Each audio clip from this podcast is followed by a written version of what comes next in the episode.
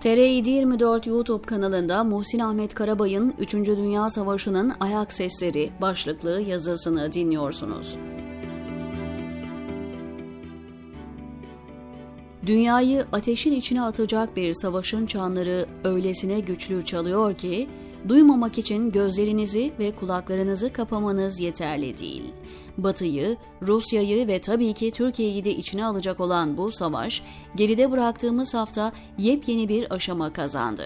Rus lider Vladimir Putin'in Ukrayna'nın doğusundaki Donetsk ve Lugansk bölgelerinin bağımsızlığını ilan ettiğinde Moskova'da yaşayan ve benim de görüşlerine saygı duyduğum birçok uzman Rusya'nın Ukrayna'ya saldırmayacağını söylüyordu. Bense 22 Şubat 2022 tarihli yazımda uzmanların yanıldığını ve Rusya'nın saldırganlığını sürdüreceğini dile getirmiştim. Nitekim 24 Şubat'ta Rusya bütün Ukrayna'yı hedef alan bir işgale kalkıştı. Bu kanlı savaş 11 ayı geride bıraktı. Batılı ülkelerin desteğiyle yaz aylarında Rus birlikleri Ukrayna topraklarından geri püskürtülmeye başlayınca Putin yeni bir seferberlik başlattı. Geçtiğimiz sonbahardan itibaren Rusya aleyhine gelişen gidişatı durdurmayı başardı. Putin, Rus Genelkurmay Başkanı Valeri Garasimov'u cepheye sürüp git pisliğini temizle dedikten sonra tablo değişmeye başladı. Bir süreden beri Ukraynalı savunmacılar zor günler yaşıyor. Batılı savunma uzmanları uzun zamandır Ukrayna'nın elindeki tankların çok eski olduğunu ve hızla etkili modern tankların bölgeye ulaştırılması gerektiğini dillendiriyorlardı. Rus birliklerini durduracak en etkili konvansiyonel silahlardan birinin Alman yapımı Leopard 2 ve ABD yapımı M1 Abrams tankları olduğu belirtiliyordu. Leopard 2 tankları Ukrayna'nın komşusu Polonya'nın elinde vardı ve Varşova bu tankları savaş bölgelerine sevk etmeye hazır olduğunu birkaç kez açıkladı. Ancak Almanya'nın bunu veto etme yetkisi vardı. Berlin, Leopard 2 tanklarını ülkelerini savunmada kullanmak amacıyla verdiğinden Polonya bu tankları Ukrayna'ya yollamaya çekiniyordu.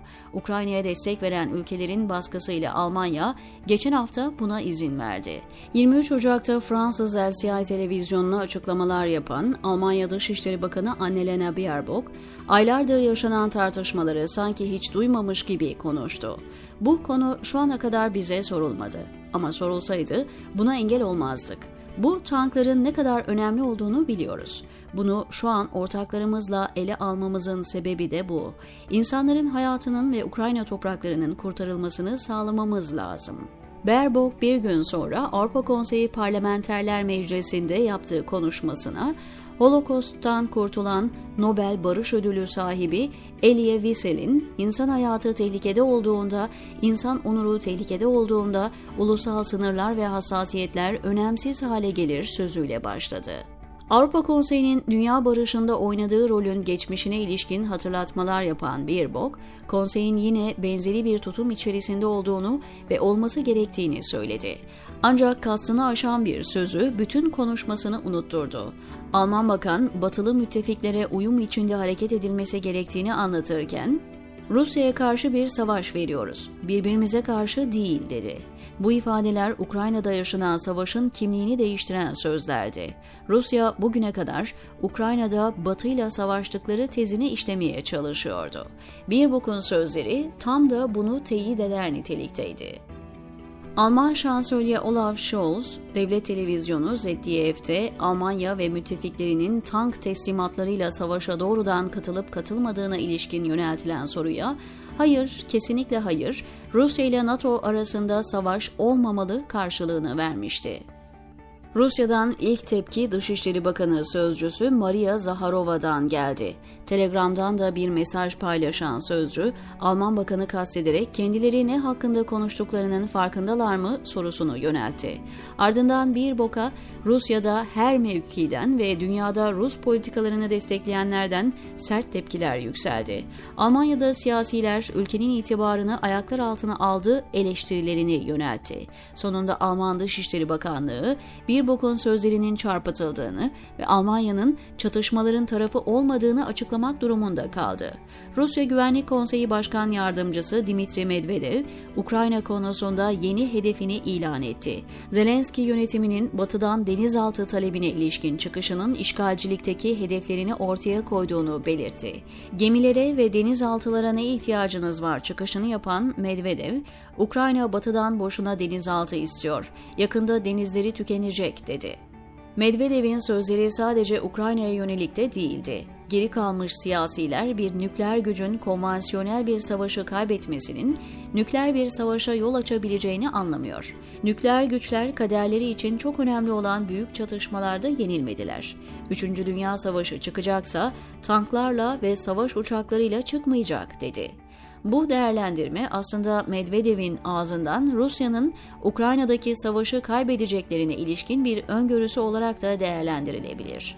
Medvedev'in tehdit dolu sözleri, savaşın evrileceği boyutu ortaya koyması bakımından çok önemli bir kilometre taşıydı. Alman Bakan'ın tam bir aptal olduğunu öne süren Medvedev, ancak yararlı bir aptal dedi. Alman Bakan'ın potu, ardından Medvedev'in meydan okuyan sözleri derken asıl ürpertici çıkış NATO Askeri Komitesi Başkanı Amiral Rob Bauer'dan geldi. Bauer, NATO Rusya ile doğrudan bir çatışmaya hazırdır dedi. Bu çıkış ortada fol yok yumurta yok türünden sözler değil. NATO'nun Hollandalı komutanı Bauer'a göre Rusya'nın stratejik hedefleri Ukrayna'nın ötesine geçiyor. Rusya'nın genişleme hayallerini önceden gören NATO, Rusya'yı Ukrayna'da durdurmanın önemini biliyordu. Bu nedenle Komutan Bauer geçtiğimiz yılın bahar aylarından başlayarak üye ülkelerin muhtemel bir savaşa ne kadar hazır olduğunu yerinde görüp incelemeye girişti. Öteki ülkeleri bir tarafa bırakıp sadece yakın çevremize ve Türkiye'ye odaklanırsak Bauer 23 Nisan 2022'de Bulgaristan'ı ziyaret etti. Bulgaristan'ın ev sahipliği yaptığı çok uluslu muharebe grubunun kabiliyetlerinin sergilendiği Novo Selo poligonunda incelemelerde bulundu. Amiral Bauer 18 Eylül'de yaptığı açıklamada ise NATO'nun birkaç yıl önce Rusya sınırlarına kadar genişleme planlamasını açıkladı.